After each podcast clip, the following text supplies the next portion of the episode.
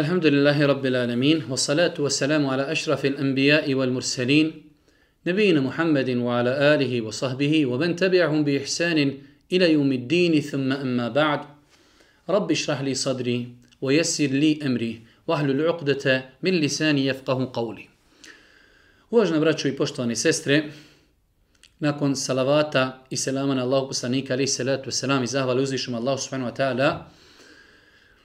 mi evo krećemo sa našim četvrtim predavanjem u četvrtom danu Ramazana. Mi smo, ako Bog da, nanijetili, a vidjet ćemo da li ćemo izdržati. Molimo Allah Đelšanu da nam olakša i omogući da svake večeri, ako Bog da, poslije iftara, jedan sahatak se družimo sa određenim E, probranim, odabranim ajetima iz Kur'ana. Rekli smo da ćemo svakog dana pokušati da, shodno koji je dan Ramazana, E, pratimo isti džuz i da iz tog džuza uzmemo, odabirimo nekoliko ajeta, da se jednostavno prisjetimo njihovog značenja, da malo jednostavno analiziramo i da pokušamo uzeti neke koristi iz tih ajeta.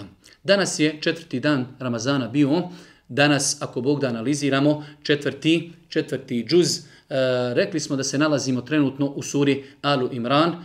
Prva dva predavanja su bila iz sure El Beqara. Treće predavanje je bilo iz dijelom iz sure El Beqara, a dijelom iz sure Alu Imran. Večerašnje druženje, ako Bog da je, iz sure Alu Imran. Prije nego počnemo sa izlaganjem, napominjemo samo da svi oni koji žele da učestvuju u nagradnoj igri, e, treba da ostavi bilo kakav komentar kako bi ih mogao kompjuter i sistem znači prepoznati. Imaćemo ako Bog da možda polovinom Ramazana ili na kraju Ramazana izvlačenje kompleta knjiga. Naša vraća iz Alternative sa Iliđe su nam donirala 30 kompleta knjiga koji su oni štampali, pa svi oni koji žele da E, uđu u ovu igru, samo nek ostavi bilo kakav komentar. Rekli smo da se ova nagradna igra prvenstveno odnosi na osobe koji su unutar Bosni zbog tehničkih e, razloga, jer je unutar Bosne slanje pošto mnogo jeftinije i jednostavnije. Ako bi eventualno neko izvan Bosne dobio te knjige, onda ima mogućnost da ih ostavi kod nekog u Bosni, pa da mu to oni pošalju ili da tu nagradu prepusti onome koje je nakon njega izvučen. Mi se večeras evo družimo u četvrtoj večeri, ako Bog da, sa surom Alu Imran, odabrani ajeti iz ove sure. Rekli smo da sura Alu Imran e, ima posebnosti, da je Allah poslanik alaihi salatu wasalam spomenuo u vjerodostojnom hadisu da e, je pot, pot, podsticao svoj umet učite Ez-Zahrawaini, učite dvije sure, Bekaru i Ali Imran, doista će one doći na sudnjem danu kao ogromno jato ptica i zauzimat će se za svoga sahibiju, za onoga koji je na Dunjaluku učio i živio i čitavao ove dvije sure. U 54. u 54. ajetu sure Alu Imran stoji da uzvišen Allah subhanahu wa ta'ala kazao wa makaru wa makar Allah wallahu khairul makirin i nevjernici počeše smišljati spletke ali ih je Allah otklanjao jer on to umije najbolje. Ovaj ajet može biti jedno veliko pravilo u životu. Mi smo rekli da ćemo se truditi da određene ajete spomenemo koji su široki, koji nam mogu biti u životu kao neka životna pravila. وَمَكَرُوا وَمَكَرَ اللَّهُ A oni su kovali spletke, a Allah je njihove spletke vraćao. Allah je njima spletkario, a Allah to najbolje zna uraditi. Pa insan ovaj ajet nam je i tekako potreban u životu kada čujemo da neko tamo negdje iza leđa nešto nama radi što nije dobro, što ne ide u našu korist, kažemo samo wa mekaru, wa mekar Allah. Oni su kovali spletke. Wa mekar Allah, a Allah njima spletke kuje, Allah to najbolje zna. Pa insan, znači ovaj ajet definitivno insanu, eh, hajde da kažemo, čini ga smirenim, čini ga zadovoljnim, zna kada mu neko pravi neke spletke da to uzvišeni Allah vidi, da to uzvišeni Allah zna, ako ništa, insan će zbog toga odgovarati na sudnjem danu, zbog toga što je spletkario nekom insanu. Nakon toga, e, u suri Alu Imran dosta se govori E, o ehlul kitabijama i odgovorima na određene njihove određena njihova vjerovanja. Pa kaže se u 59. ajetu Inne mesela Isa inda Allahi ke meseli Adem, halakahu min turab, thumma kale lehu kun fe kun. Isaov slučaj je u Allaha isti kao slučaj Ademov.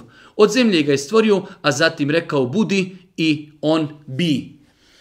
Allah Đelšanu odgovara na E, teoriju kršćana, a to je da je Isus, da je on sin Boži ili čak neki kažu i da je Bog. Allah Žešanu e, odgovara na jedan jednostavan način. Zašto oni kažu da je Isus alihi salatu wasalam, Isa alihi salatu wasalam, da je on sin Boži zato što je se rodio bez oca. Pa Allah Đelešanu odgovara kršćanima pa kaže inne methela Isa inda Allahi ke metheli Adem.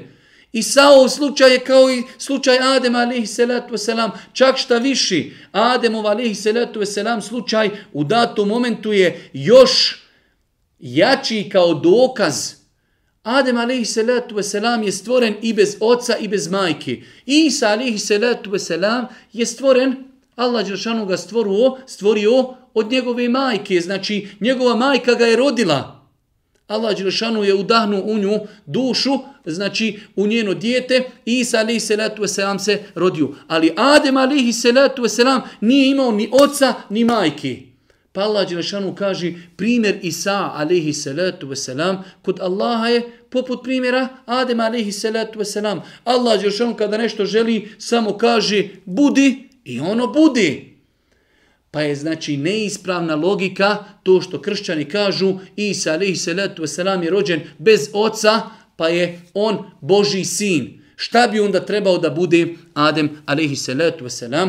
Mi muslimani vjerujemo shodno e, mnogim kuranskim ajetima, mnogim hadisima, Isa alaihi salatu wasalam je jedan odabrani Allahov rob. On je bio jedan u velikom nizu i jednoj velikoj plejadi poslanika koji Allah Đelešanu odabrao i poslao, im je, poslao ih je ljudima da ljude pozivaju Allahu. Isa alihi salatu veselam ili Isus je samo jedan od poslanika. Imao je muđize, nadnaravne stvari kao i svaki drugi poslanik. Da, on je mogao izliječiti bolesni, on je mogao čak oživjeti mrtvi, ali samo Allahovom dozvolom. On je imao sve dunjalučke potrebe kao što imaju i svi mi i, svi mi i svi drugi ljudi. Imao je potrebe za jelom i za pićem i za spavanjem. Samim tim on je daleko od bilo kakvog božanstva uzvišeni Allah subhanahu wa ta'ala, istinski Bog, nema potrebe za ljudima. Daleko od bilo kakvih manjkavosti. A Isa alaihi salatu wasalam je bio samo pod navnim znacima obični insan. Nije imao nikakva božanska, božanska svojstva. Pa na Allah subhanahu wa ta'ala ovdje na jedan kratak i jednostavan način odgovara i kaže i sa slučaj je u Allaha isti kao slučaj Ademov. Od zemlje ga je stvorio, a zatim mu rekao budi i on bi. Adema stvorio od zemlje, budi i ono bude, znači ništa više od toga.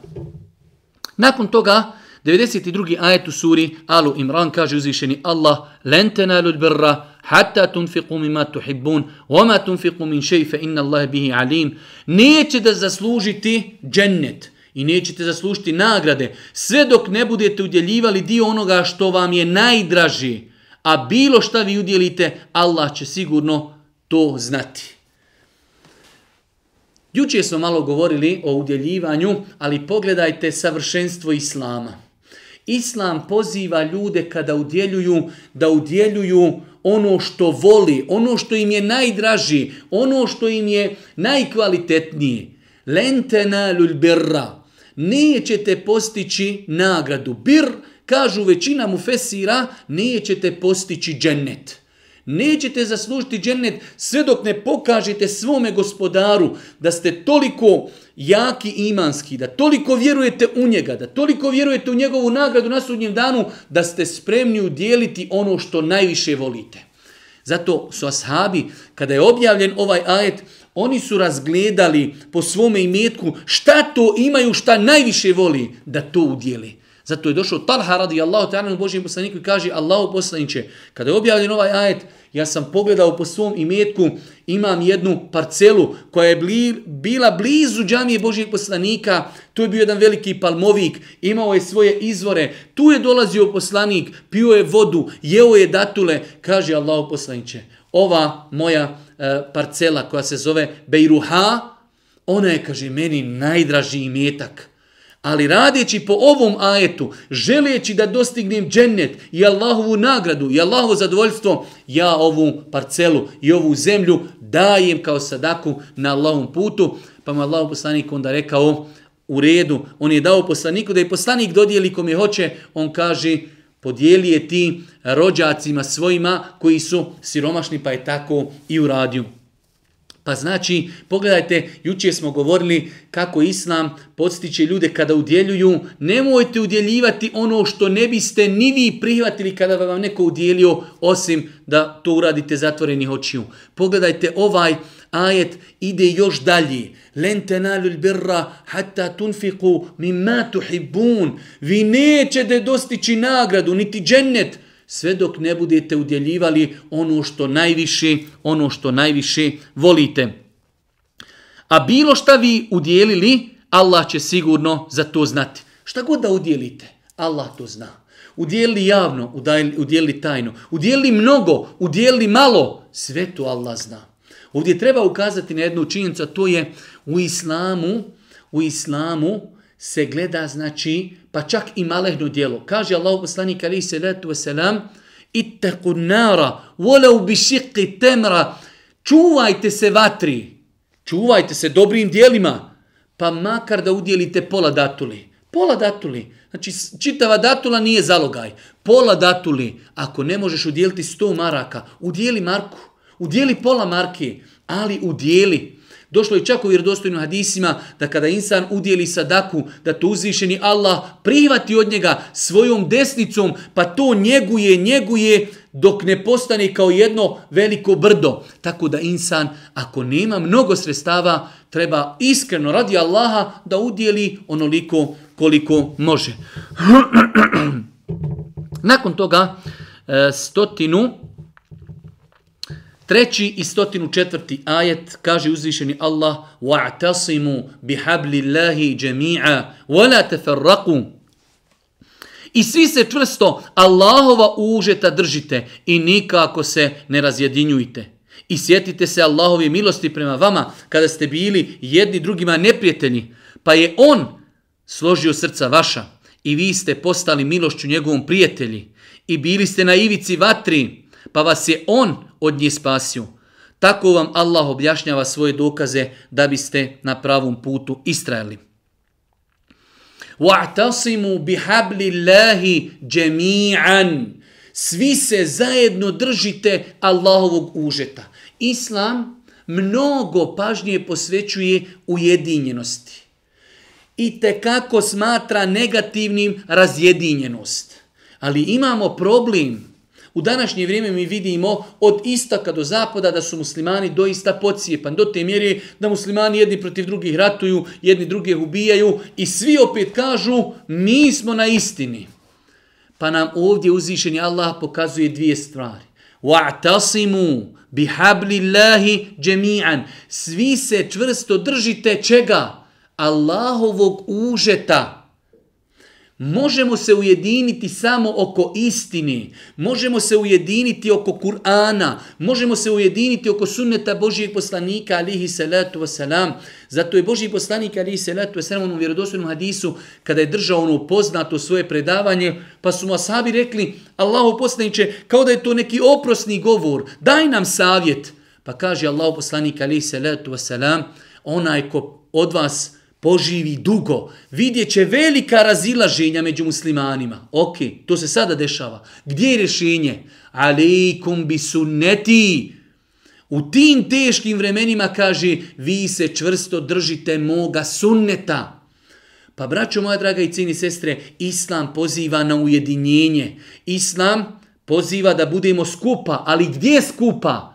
Da skupa budemo, da se čvrsto držimo Kur'ana, da se čvrsto držimo sunneta, da nam, e, znači, onog momenta kada se ne možemo dogovoriti, da se vratimo Kur'anu i sunnetu. Pa neka nam sunnet i Kur'an kažu ko je u pravu.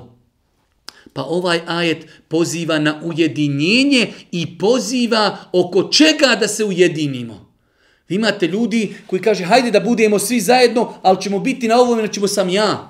A to je u osnovi možda neispravno. Pa se moramo svi vraćati Kur'anu i sunnetu. To je ono što će nas okupiti i to je ono što će nas ujediniti. Allah Žešanu nakon ovih riječi navodi primjer ashaba. Kaže, vi ste bili jedni drugima neprijatelji, pa je Allah vaša srca ujedinio. Čime? Istinom, Kur'anom, sunnetom, Muhammedom, alihi salatu wasalam. Pa kaže uzvišeni Allah, svi se čvrsto Allahova užeta držite i nikako se ne razjedinjujte. I sjetite se Allahovi milosti prema vama. Kad ste bili jedni drugima neprijatelji, pa je On ujedinio srca vaša i vi ste postali milošću njegovom prijatelji. I bili ste na rubu, ivici vatri, pa vas je on spasio. Šta je to što je učinilo Arape? Nakon što su bili na margini planeti, Kada se Allahu poslanik ali se letu selam pojavio, znači u to vrijeme su bili Rimljani, bili su Perzijanci, Arapi su bili nepostojeći faktor, niko se nije obazirao na njih. Preko noći su postali na svjetskoj sceni faktor. Pala su dva najveća carstva tog vremena i Perzijsko i Rimsko carstvo su muslimani srušili kada? kada su se okupili oko Kur'ana, kada su se okupili oko sunneta Muhammeda alaihi salatu wasalam, kada su postali braća, istinska braća po islamu, innemel mu'minune ihve, doista su muslimani, istinski vjernici, oni su prava braća. Pa uzvišen je Allah ovom ajetu podstiče na na taj moment da budemo zajedno, da se okupimo, da se poštujemo, da se respektujemo, a isto tako pokuđenim smatra razjedinjenost. Kaže se u 104. ajetu sure Alu Imran وَلْتَكُنْ مِنْكُمْ أُمَّةٌ يَدْعُونَ إِلَى الْخَيْرِ وَيَأْمُرُونَ بِالْمَعْرُوفِ وَيَنْهَوْنَ عَنِ الْمُنْكَرِ وَأُولَٰئِكَ هُمُ الْمُفْلِهُونَ I neka među vama, o vjernici, bude jedna skupina oni koji će na dobro pozivati i tražiti da se čini dobro, a od zla odvraćati. Oni će ono što želi postići. Ovo je jedan novi moment za muslimansko društvo. Svako društvo, svako društvo da bi uspjelo, mora u tom društvu da bude skupina ljudi koja će ljude podučavati hajru, koja će naređivati na dobro, koja će odvraćati od zla. Jednostavno, znači e, svako društvo, to je, jedno društvo je skup porodica, skup pojedinaca, ljudi su zauzeti, idu na posao, posluju, trguju, radi. U svemu tome se dešava da se ljudi odaljavaju od vjeri, odaljavaju se od Allaha, počinju se pojavljivati grijesi. Gdje je rješenje? Mora biti u oltekun minkum ummetun, neka među vama, u vašem društvu, o muslimani, bude jedna skupina koja će pozivati dobru, Znači, e, u islamu, u islamu društvo treba da ima skupinu ljudi koji će biti kompetentni, obrazovani, školovani, pismeni, koji će ljude podučavati, ljude pozivati hajru.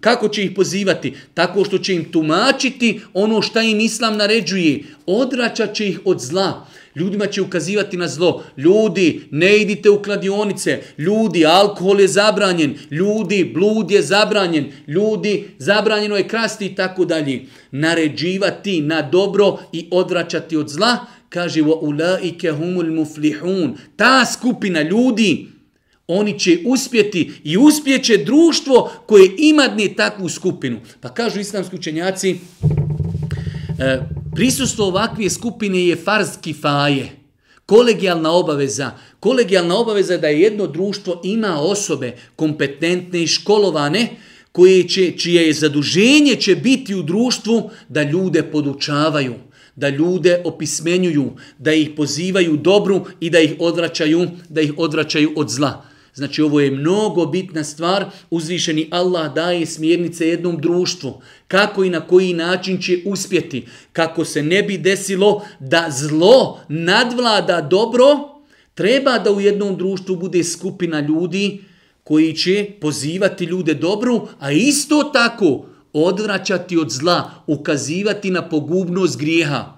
Zato znači islamsko društvo, ono odabere takvu skupinu koja treba svakako da bude kompetentna, jer da bi insan pozivao ljude dobru, odračao od zla, mora da ima kompetenciju, mora da ima znanje, mora da ima naobrazbu, pa društvo, ono odabire takvu, takvu skupinu koja će raditi na dobrobiti cijelog društva i to je kolegijalna obaveza. Što znači, ako se ispuni ova naredba, Niko neće biti griješan. Ako se ne ispuni ova naredba, svi će ljudi, članovi jednog društva biti griješni zato što ne postoji ta skupina koja ljude usmjerava na pravi put. Pa pogledajte kako uzvišenje Allah s.w.t. milosti prema svojim robovima, pojašnjava im način kako ne bi dozvolili da se u jednom društvu proširi nemola, nemoral grijesi, treba da bude jedna skupina koja će ljude podučavati,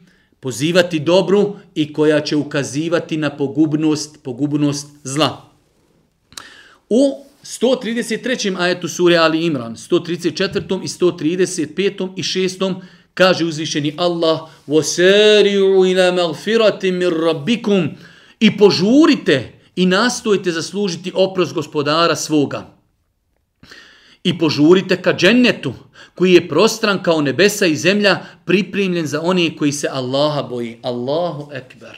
Požurite, وَسَارِعُوا إِلَا مَغْفِرَةِ مِنْ رَبِّكُمْ Požurite ka Allahovom oprostu. Allahu ekber. Evo nas u Ramazanu. Onaj ko isposti Ramazan, bit će mu oprosteni grijesi. Onaj ko Ramazan provede klanjajući teravije i noćne namaze, bit će mu oprošteni grijesi. Onaj ko provede noć lejletul kader u ibadetu, bit će mu oprošteni grijesi. Požurite prema dijelima koja će uzrokovati da vam Allah oprosti grijehe i požurite ka džennetu koji je prostran kao nebesa i zemlja.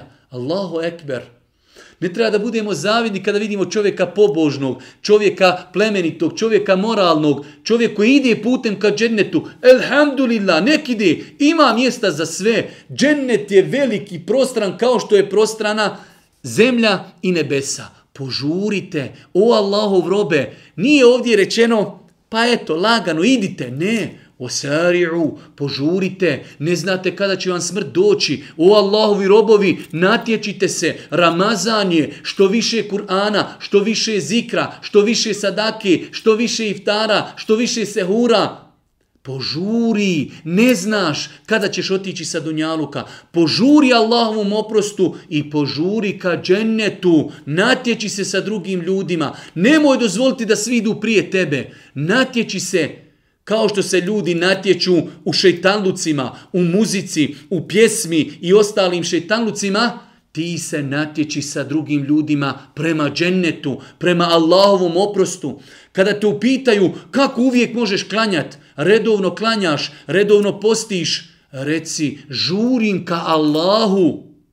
Wa ajiltu ilejke rabbi li tarda. Požurio sam rabi gospodaru prema tebi da bi bio zadovoljan. Pa kaže uzvišeni Allah, požurite, nemojte biti lijeni, nemoj da vam je teško ustati na saba, nemoj da vam je teško nositi mahramu, nemoj da vam je teško suprostaviti se kladionicama i šeitanu. Osari'u, požurite ka Allahovom oprostu, požurite ka džennetu, čija prostranstva su ko nebesa i zemlja, uiddet lil muttaqin, pripremljene za koga? Za bogobojazni. Za one koji se Allaha boji, njima je džennet, njima je džennet pripremljen. Pa Allah još ono opisuje oni koji su bogobojazni, kojima je džennet pripremljen, pa kaže za one koji i kada su u obilju i kada su u oskudici, oni udjeljuju.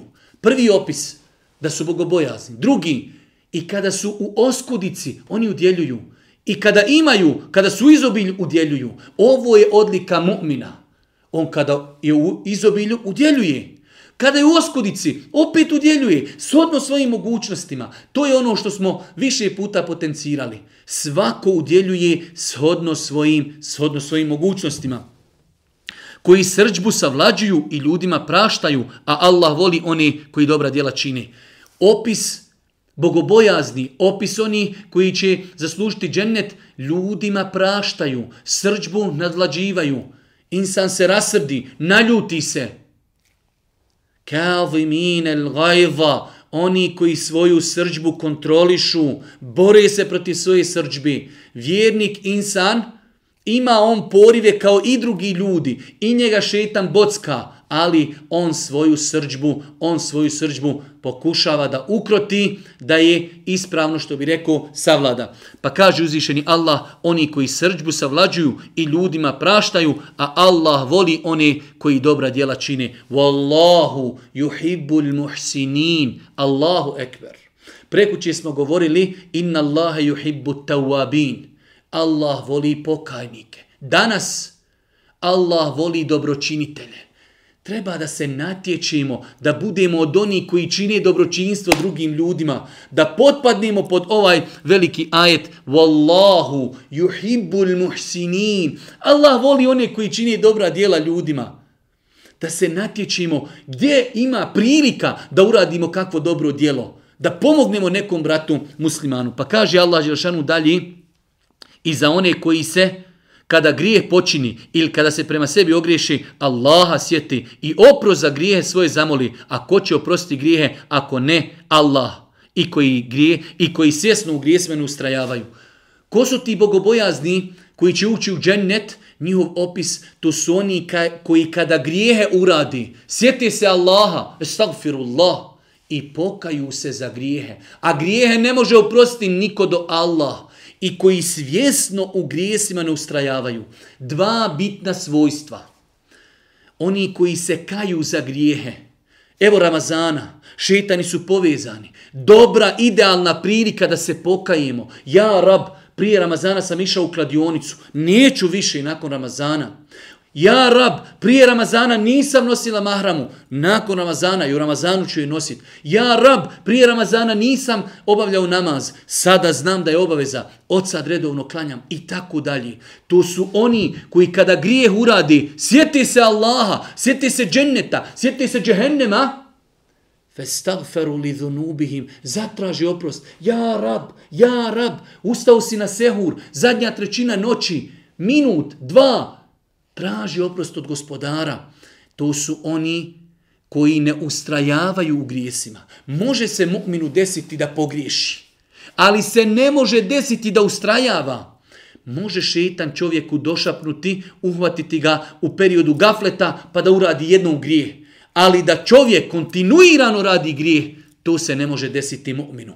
Pa treba čovjek znači da se preispituje, treba da se bori sa svojim nefsom, sa svojom dušom, da se kaje Allahu. Festagferu li dhunubihim. Sjeti se Allaha, sjeti se patnji, sjeti se nagradi. Zatraži oprost od uzvišenog Allaha subhanahu wa ta'ala. Kaže uzvišeni Allah na kraju ove skupine, njih čeka nagrada oprost od gospodara njihova i džennetske bašće kroz koji će rijeke teći, u kojima će vječno ostati, a divne li nagrade za one koji budu tako postupali. Opet Allah Želešanu obećaje oprost, obrećaje džennetske bašte kroz koje će rijeke teći, a kako je to divna nagrada. Pa braću, moja draga i ciljni sestre, da se potrudimo u ovom mjesecu Ramazanu, da pokušamo imati ova svojstva spomenuta u ovim ajetima od 133. do 136. Požurite ka oprostu gospodara svoga i požurite ka džennetu koji je pripremljen za bogobojazni, oni koji udjeljuju i kada su u oskudici i kada su u izobilju. Yunfiquna fi sarra wad darra wal kadhimin al ghayza oni koji isputavaju svoju srđbu i ljudima opraštaju a Allah voli one koji dobročinstvo ljudima čine i one koji kada grijehe uradi, sjeti se Allaha, prisjeti se kazni, prisjeti se džehennema. Čovjeku može šetan doći i kazati, uradi grijeh. A Allah billahi ne šetan rađim. A kazna, a džehennem, a patnja, a sramota. pa se insan prisjeti Allaha, pokaje se i vrati se svome gospodaru. Kaže uzvišeni Allah s.w.t. u 159. ajetu i 160. ajetu, govori o Božijem poslaniku, alihi salatu wasalam, pa kaže فَبِمَا رَحْمَةٍ مِنَ اللَّهِ لِنْتَ لَهُمْ وَلَوْ كُنْتَ فَضًّا غَلِيظَ الْقَلْبِ لَنْ فَضُّوا مِنْ حَوْلِكَ Samo Allahovu milošću ti si blag prema njima. A da si bio osoran i grub, razbježala bi se oni iz tvoje blizine. Zato im i praštaj i moli da im bude oprošteno i dogovaraj se sa njima. A kada se odlučiš na nešto, onda se pouzdaj u Allaha, jer Allah zaista voli, voli one koji se uzdaju u Allaha. Allah Žešanu odgaja svoga poslanika pa mu kaže da si ti, o Allahu poslaniće, da si ti bio prema ljudima koji su oko tebe grub, da si bio srdit, oni bi se razbježali. Ovo treba svima nama da bude lekcija, poruka, pouka. Ako hoćeš da te ljudi voli, ako hoćeš da ljudi ne bježe od tebe, onda treba da budeš blag, da budeš milostiv, treba da budeš nasmijan, treba da im pomažiš, treba da im udjeljuješ, da od njih ništa ne tražiš. To je znači sunnet Allahu poslanika alaihi salatu wasalam. Samo Allahu milošću ti si brat, blag prema njima. Da si bio osoran i grub, oni bi se razbježali iz tvoje blizine. Zato im kaže praštaj. Moli Allah da im oprosti i konsultuj se sa njima. Allahu ekber. Allah subhanahu wa ta'ala odgaja svoga poslanika kojim svaki dan dolazi Džibril i donosi mu objavu وَشَاوِرْهُمْ Pita ih, konsultuj ih. Veliki ljudi, velikani, oni poštuju druge i pitaju ih za njihovo mišljenje. Umišljeni ljudi, umišljeni ljudi, ljudi oholi, Oni ne žele da čuju tuđe mišljenje. Allah Đelešanu odgaja poslanika i kaže وَشَاوِرْهُمْ Pita ih, konsultuj se. Allahu poslanik u najtežim momentima, u bitci na Bedru, u bitci na Uhudu, u, na Hudejbiji, e, kada je bila bitka na Hendeku, u svim tim bitkama Allahu poslanik se konsultuje sa svojima sadma i u svim slučajima kada su mu ljudi savjetovali nešto, on je prihvatio njihove savjete a Allah Đelešanu svaki dan šalje objavu. Pa je ovo jedno veliko svojstvo velikana, da slušaju druge ljude, da ih pitaju, da prihvataju njihove savjete, da nisu gordi, da nisu oholi, da nisu umišljeni. Imate ljudi, nikoga ne voli. Zašto? Umišljen, gord, ohol, samo ja znam, ja sam pametan, ja i tako dalje. Ne, velikani iskorištavaju tuđe kapacitete, kažu islamski učenjaci, onog momenta kada pitaš druge ljude, ti si besplatno od njih uzeo ono što je njih teško i skupo koštalo. Dođeš čovjek, kažeš, ja bi krenuo na planinu, mogu li ovim putem? On kaže, ne idi, ja sam išao, pokvarilo mi se auto, idi drugim putem i dobro ćeš proći. Ti si besplatno dobio od njega ono što je njega koštalo skupo. Pa insan treba u životu kada donosi odluke da pita ljude, da se konsultuje, svakako da konsultuje ljude koji su kompetentni, oni koji su povjerljivi i tako dalje. Pa uzvišeni Allah odgaja Božije poslanika i kaže da si bio grub, da si bio osuran. Oni bi se razbježali oko tebe, ali ti si Allahu milošću blag prema njima. Zato te oni voli, zato te oni poštuju. Pa insan treba da nauči životnu lekciju. Ako želiš da te ljudi voli, da te poštuju, da te respektuju, treba da budeš blag, treba da budeš nasmijan, treba da im pomažiš, treba da ljude pitaš, treba da se konsultuješ, treba da vodiš evidenciju o njima i njihovom stanju. Pa kaže uzvišeni Allah subhanahu wa ta'ala, a kada se odlučiš, onda se pouzdaj u Allaha, jer Allah zaista voli one koji se uzdaju u Allaha. Insan u datom momentu želi nešto da uradi. Donosi odluku, osloni se na Allaha, Znači mi muslimani imamo veoma dva bitna faktora. Poduzimamo sve što možemo od dunjalučkih e, sebeba razloga, ali u isto vrijeme se oslanjamo na Allaha. Velik broj ljudi griješi u pogledu toga. Imate ljudi, kaže, ma ja sa svojih pet ruku, ja uradio i tako dalje. Ne. Čovjek vjernik poduzima sve što može sutra su ispiti, učim što mogu više, ali kažem uspjehe od Allaha, oslanjam se na Allaha. Pa je to ispravno rezonovanje. Neispravno je sjediti kod kuće i kazati ja se oslanjam na Allaha, doće mi na faka. Ne. Vjernik slijedi sunnet Božijeg poslanika. Mohamed Ali salatu wasalam kada je učinio hijđru, poduzeo je sve dunjalučke faktore da njegova hijđra uspije. Pa je našao dvije deve, pa je našao dobrog vodiča, pa je krenuo u kontrapravcu, pa je otišao u pećinu, pa se sakrio tri dana, pa je išao vandrednim putevima kako ga niko ne bi našao. Zato kada je došao Suraka ibn Malik, kada je krenuo svojim konjem za njima, Allah poslani kada je čuo topot kopita njegovog konja, nije se više osvrtao. Zašto? Ja rab, ja sam poduzeo sve što mogu. Ja više ne mogu ništa. Sada ostaje da se oslonim na Allaha, pa je Allah dao da su noge njegovog konja potonule u zemlju. Tako vjernik treba da radi. Poduzimam sve što mogu, školujem se, radim, tražim posao, ženim se i tako dalje. Nakon toga očekujem na faku, očekujem uspjeh, očekujem potomstvo, očekujem i tako dalje. Pa Žešanu podučava svoga poslanika, a zatim sve nas. Kada odlučiš, osloni se na Allaha, poduzmi sve što možeš. Allah voli oni koji se oslanjaju na uzvišenog Allaha. Definitivno.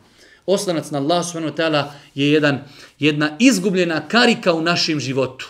Nažalost, mi smo prošli taj period komunizma u kojem se sve stvari vezuju za materiju, novac, novac, nema Boga, materija i tako dalje. Tako da je odrasla jedna generacija koja samo vjeruje u karticu, samo vjeruje u pare, samo vjeruje u novac, nema nikakvog oslonca na Allaha i tako dalje. Pa je ovo jedno veliko poglavlje وَمَنْ يَتَوَكَّلْ عَلَى اللَّهِ فَهُوَ حَسْبُهُ Onaj ko se osloni na Allaha, a poduzeo je sve dunjalučke faktore, فَهُوَ حَسْبُهُ Allah mu je dovoljan. Njegove riznice su tolike, ogromne, da kada bi svi ljudi zatražili od uzvišenog Allaha subhanahu wa ta'ala šta god želi, to neće iz njegovih riznica umanjiti, osim koliko umanji igla kada se zamoči umore. Oslonuti se na Allaha, svemogućeg, sveznajućeg, ali poduzeti sve dunjalučke, sve dunjalučke faktore. Kaže uzvišeni Allah u 160. ajetu إن ينصركم الله فلا غالب لكم وإن يخذلكم فمن ذا الذي ينصركم من بعده وعلى الله فليتوكل المؤمنون Ako vas Allah pomogne, niko vas neće moći pobijediti. Allahu ekbar. Jedno veliko životno pravilo za muslimane. Vezujte o muslimani svoje srce za Allaha. Allah je svemogući. Allah može uništiti zemlju, može uništiti vaše neprijatelje, samo kaže budi ono budi. In jansurkumullahu fele galibe lekum. Ako vas Allah pomogni, ne može vas niko pobjediti. Kao muslimani kada su borili se protiv mušrika u bitci na bedru. Muslimana 300 imaju samo osnovne noževe i sablje. Mušnici Mekke došli s ciljem da, bo, da se bori. Ima ih hiljedu, imaju konjanike, imaju štitnike, imaju mačeve, imaju strele, imaju kopljadi. Muslimani pobjedili. Kem min fijetin qaliletin galebet fijeten kethiraten bi iznillah koliko je mali skupina pobjedilo velike skupine. Kada? Allahovom dozvolom. In jansurkumullahu fele galibe lekum ako vas Allah pomogne ne može vas niko pobijeti. Braćo moja draga, mi imamo bruku neprijatelja oko sebe. Najbolji način da riješimo probleme u kojima se nalazimo, povratak Allahu, vezivanje srca za Allaha, vojem kurune, vojem kurullah, prvi ajet koji smo danas citirali, oni spletke pravi da sruše državu, da unište muslimane, pusti Allah, svakako poduzmi sve dunjalučke faktore. Mi imamo problem, ne poduzimamo dunjalučke faktore, odaljili se od Allaha. Koliko bošnjaka klanja, koliko bošnjaka posti, koliko bošnjakinja nosi mahramu, koliko imamo kladionica, koliko miliona dajemo dnevno u kladionice. I onda očekujemo Allahovu pomoć. Nemoguće, nemoguća misija. I jansurkumullah, fela galibe lekum. Ako vas Allah pomogni, ne može vas niko poniziti ni pobjediti. Ali kada će nas Allah pomoći? kada budemo pokorni Allahovi robovi, kada se ujedinimo, kada se vratimo Kur'anu, kada se vratimo sunnetu, kada se čvrsto držimo. Wa'tasimu bihablillahi jami'an. Svi se Allahovog užeta držite. Ako vas Allah pomogne, niko vas pobjediti neće moći. A šta je drugi dio ajeta? A ako vas on ostavi bez podrške, ko je taj ko vam osim njega može pomoći? ako vas Allah prepusti vašim neprijateljima. Vaši neprijatelji uvijek su brojčano veći od vas i uvijek jači od vas. Vi imate na svojoj strani Allaha. Za njega se vezujte. Ako se prepustite Dunjaluku i ako se prepustite nekom drugom mimo Allahu, ne može vas niko sačuvati. Pa je ovo velika životna formula za muslimane. Ako vas Allah pomogne, niko vas poraziti ne može. Kako će nas Allah pomoći? Poduzimanjem dunjalučkih faktora da uspijemo i vezivanjem za Allaha pokornošću, namazom, zekijatom, postom, hađem, dovom, izbjegavanjem grijeha, ostavljanje nemorala, ostavljanje duhana, ostavljanje alkohola, ostavljanje kamati, ostavljanje kladionica, tek tada možemo očekivati uz pomoć uzvišenog Allaha subhanahu wa ta'ala.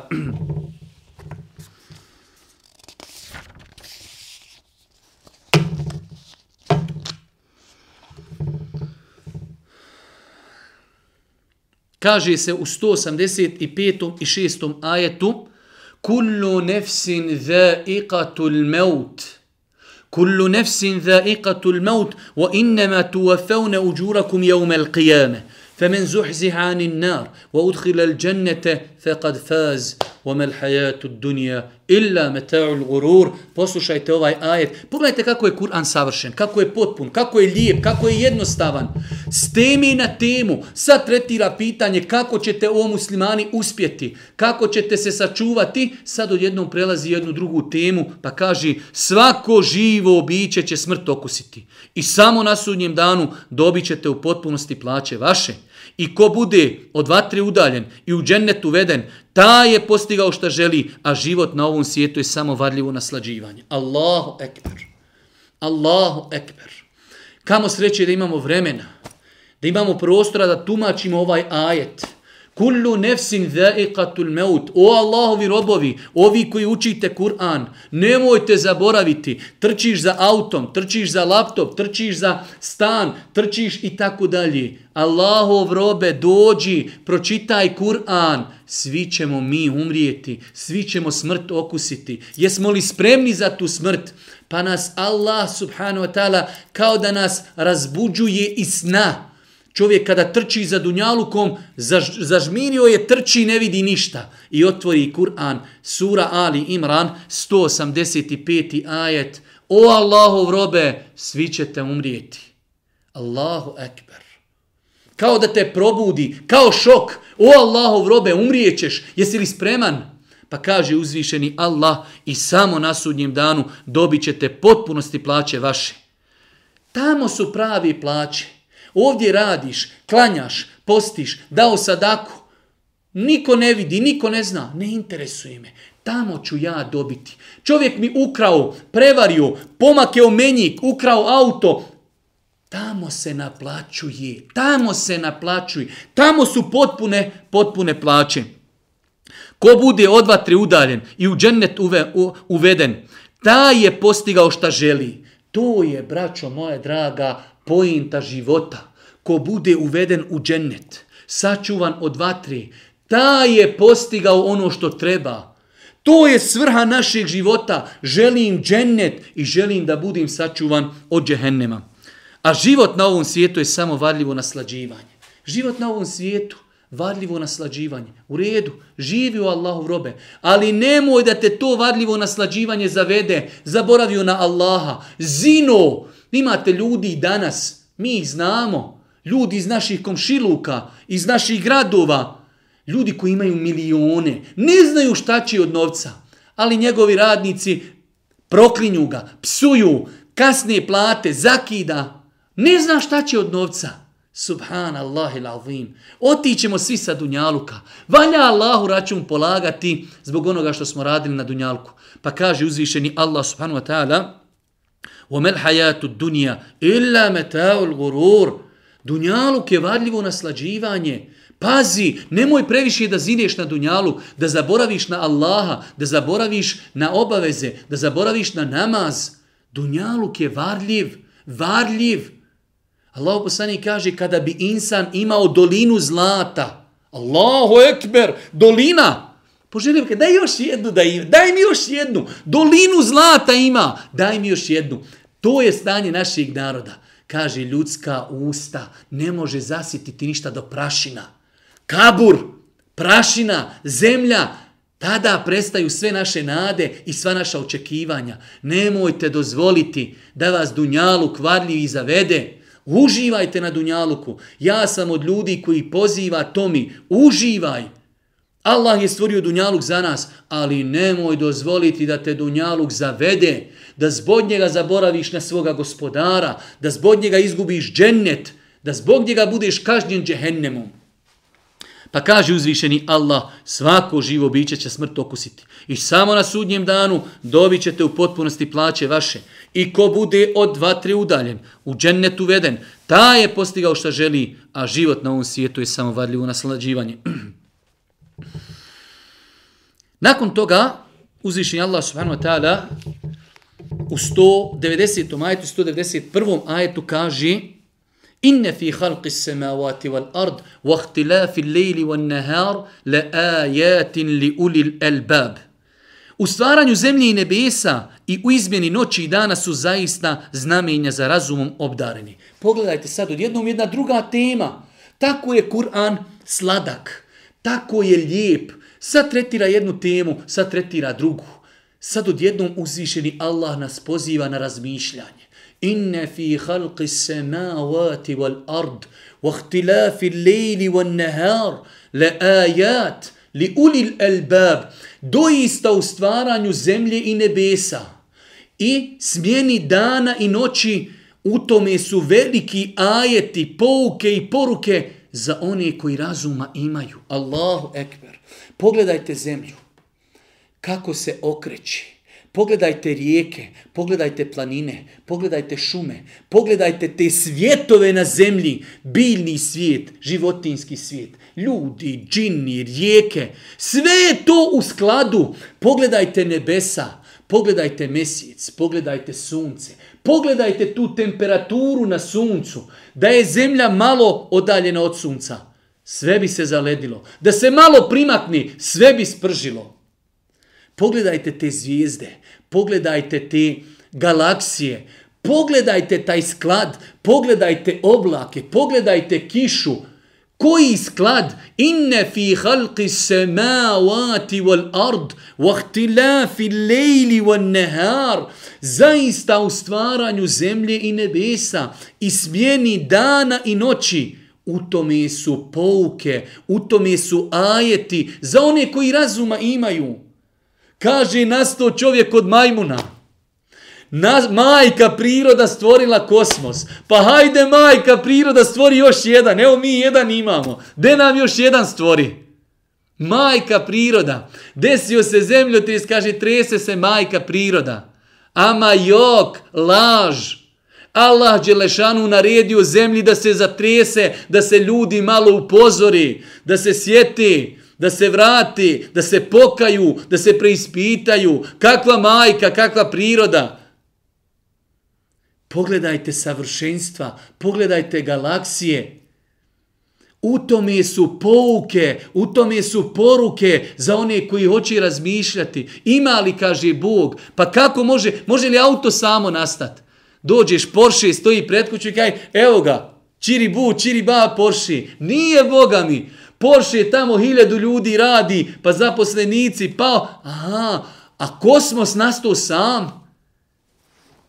Ma lekum, kejfe tahkumun, ma šta vam je, kako rasuđujete? Pa insan treba da razgleda za one koji razuma imaju. Imate ljudi, Ja ne mogu da vjerujem da čovjek može studirati medicinu da ne vjeruje u Boga. Koje je savršenstvo u ljudskom tijelu? Od kože, od zubi, od očiju, od ušiju, od bubrega, od srca. Svaki organ je poseban da čovjek da čovjeka ponuka za razmišljanje. Pa Allah Đelšanu poziva ljude i kaže u stvaranju nebesa i zemlji i izmjeni noći i dana su zaista znamenja za razumom obdarene, za one koji i stojeći, sjedeći, ležeći Allaha spominju i o stvaranju nebesa i zemlji razmišljaju gospodaru naš, ti nisi ovo uzalud stvorio, valjan ti budi i sačuvaj nas patnji u vatri. Nisi ti ovo uzalud stvorio, ama ljudi, nismo uzalud stvoreni, nismo stvoreni da gledamo utakmice, nismo stvoreni za kladionica, nismo stvoreni, mi smo stvoreni s ciljem. Alladhi khalaqa al-mauta wal-hayata liyabluwakum. On je stvorio život i smrt da bi vas iskušao. Allah je stvorio insana da robuje uzvišenom Allahu subhanahu wa ta'ala. I evo, braću, moje dragi cijeni sestre, ovaj četvrti džuz, on jednim dijelom ulazi, ulazi nakon sure Alu Imran, ulazi u suru En Nisa, pa ćemo se evo večera združiti samo sa prvim dijelovima i ajetima iz sure En Nisa, a ako Bog da, sljedeće predavanje će biti kompletno iz sure En Nisa. E, pa ja sam samo odlučio da pročitamo jedan ajet iz sure En Nisa i da naučimo jednu novu stvar, a to je Allah Đeršanu u suri En Nisa, govori mnogo o nasljednom pravu. Pogledajte opet, sada nešto novo, odjednom neke nove instrukcije kako živjeti na Dunjaluku. Uzvišenje Allah subhanahu wa ta'ala je lično preuzeo na sebe da ljudima pojasni kroz Kur'an nasljedno pravo. Jednu stvar koju želim samo da spominim, a to je da je kod nas i tekako zapostavljeno podjela nasljednog prava onako kako je to definisao Islam. Pa jedna od stvari jeste da kod nas kada čovjek umre, dijeli se imanje na broj, znači osoba koji su ostali za njega njegove djeci. U islamu, mimo djece mogu određene osobe da nasljeđuju. Isto tako u islamu muškoj djeci pripada duplo više od ženske djeci. Ja znam da određeni ljudi, da im se odma kosa diže na glavi kada čuju ovakve stvari. Prva stvar – Ovo je podjela koju je propisao uzvišeni Allah, stvoritelj zemlje i nebesa. Mi vjernici samo treba da kažemo amin, semi'na wa atana, čuli smo i pokoravamo se. To je prva stvar. Druga stvar, gledano s aspekta Dunjalučkog. Zašto u islamu muškarac, kada roditelj umre, ostavio je mušku i žensku djecu, zašto muška djeca dobivaju dva puta kao žensko? Iz razloga, što muškarac u islamu mora da vodi evidenciju o porodici. Taj muškarac se treba oženiti. Taj muškarac treba izdržavati e, ženu i dijete. Žena je dobila nasljedstvo i ona će se sutra udati. Ona odlazi mužu koji mora nju izdržavati. Ona ima za sebe svoj imetak. Pa je islam pravedan apsolutno. Ko hoće da svati, nek svati. Ko neće da svati, to nas najmanje interesuje. Ali se trebamo truditi, braćo, moja draga i cini sestre, da nasljedno pravo dijelimo onako kako je to propisao uzvišeni Allah. Kaže uzvišeni Allah u suri En-Nisa, početak ajeta, pošto se, e, znači, to nasljedno pravo je zaista jedna zasebna nauka, zasebna struka, ali evo samo želim da naučimo jedan propis, pa kaže uzvišeni Allah, yusikumullahu fi euladikum li zekeri mithru hadhil unthajen. Allah vam naređuje da od djece vaši muškom pripada toliko koliko dvijema ženskima. Jedan muškarac uzima duplo više od ženska. To jest, jedan muškarac uzima kod dvije djevojčice. U nasljednom pravu islamu. Znači, ovo je naredba uzvišenog Allaha subhanahu wa ta'ala. Muslimani samo kažu se mi'na wa atana. Čuli smo i pokoravamo se. Dunjalučko pojašnjenje više nego jasno. U islamu žena se udaje, njen muž, njemu je obaveza da je izdržava, pa je uzvišen je Allah iz svoje pravednosti i milosti. Muškarcima dodijelio iz nasljednog prava više nego ženama, zato što oni moraju zasnivati porodcu, mora praviti kuću, mora se ženiti, mora izdržavati, pa je on dobio više. Žena je žensko kao žensko dobila manje zato što ona imaće nekoga ko će izdržavati. Tako da ovo samo ukazuje na savršenstvo islama. Nikako ne daj Bože da ukazuje na neki, na neki manjkavost. Nakon što je uzvišeni Allah pojasnio ajete koji govore o nasljednom pravu, nakon toga kaže uzvišeni Allah tilke hududullah. ومن يطع الله ورسوله يدخله جنات تجري من تحتها الانهار خالدين فيها وذلك الفوز العظيم ومن يعص الله ورسوله ويتعدى حدوده يدخله نارا خالدا فيها وله عذاب مهين To su, kaže, Allahove granice.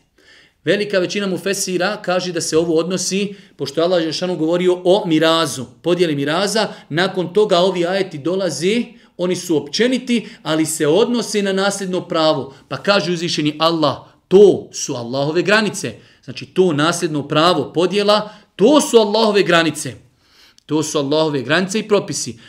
Onoga ko se pokori Allahu i poslaniku njegove, on će uvesti u džennetske bašće kroz koje će rijeke će teći u kojima će vječno ostati. I to je veliki uspjeh. Onaj ko se pokori Allahu, svoju zaostavštinu podijeli onako kako je Allah naredio. Allah će ga uvesti u džennet, u, kroz koji će rijeke prote, e, proticati i tu će vječno ostati. Doista je to veliki uspjeh. U redu. Šta kaže dalje? A onoga ko se bude protivio Allahu i poslaniku njego, njegovom i preko granica njegovih prelazio, on će u vatru baciti u kojoj će vječno ostati i njega čeka sramna patnja. Allah Đelešanuhu prijeti onima koji ne poštuju Allahove granice prilikom podjele miraza da ih čeka kazna u džehennemu bolna patnja. Pa braćo moja draga i cijene sestre, e, ovo je jedna tema o kojoj treba da se češće govori, da se ljudi podstiču, mnogo je zuluma, mnogo je nepravdi kada je u pitanju podjela miraza iza roditelja. Koliko puta smo čuli da su se ljudi nakon podjele miraza posvađali podjela meja, međa, da su ljudi jedni druge rođaci, prijatelji, braća, da jedni druge ubijaju i tako dalje. Pa je ovo, braćo moja draga, savjet svima nama, imamo imamo e, znači e, pojašnjeno u islamu detaljno do u najmanje sitnice kako se dijeli kako se dijeli miraz ja sam želio samo da damo jedan propis a u islamu je to znači da kada iza čovjeka ostaju njegova djeca, da muška djeca uzimaju, jedan muškarac uzima ko dvoje ženske djece. Nakon toga vidimo da uzvišeni Allah pojašnjava da su to Allahovi propisi, on je to odredio, on je naredio, on je sveznajući, oni koji se budu toga pridržavali, njih čeka nagrada u džennetu, oni koji to budu kršili, uzvišeni Allah im prijeti džehennemskom patnjom. Molim uzvišnog Allah subhanahu wa ta'ala da nas učesti na putu istine, molim ga subhanahu wa ta'ala da nam bude milostiv na sudnjem danu, molim ga subhanahu wa ta'ala da nam oprosti grijehe, da nam olakša post u mjesecu Ramazanu i na kraju subhaneke, Allahumma bihamdike, ešhedu in la ilaha ila stakfiruke, ve etubu ilejk. Oh.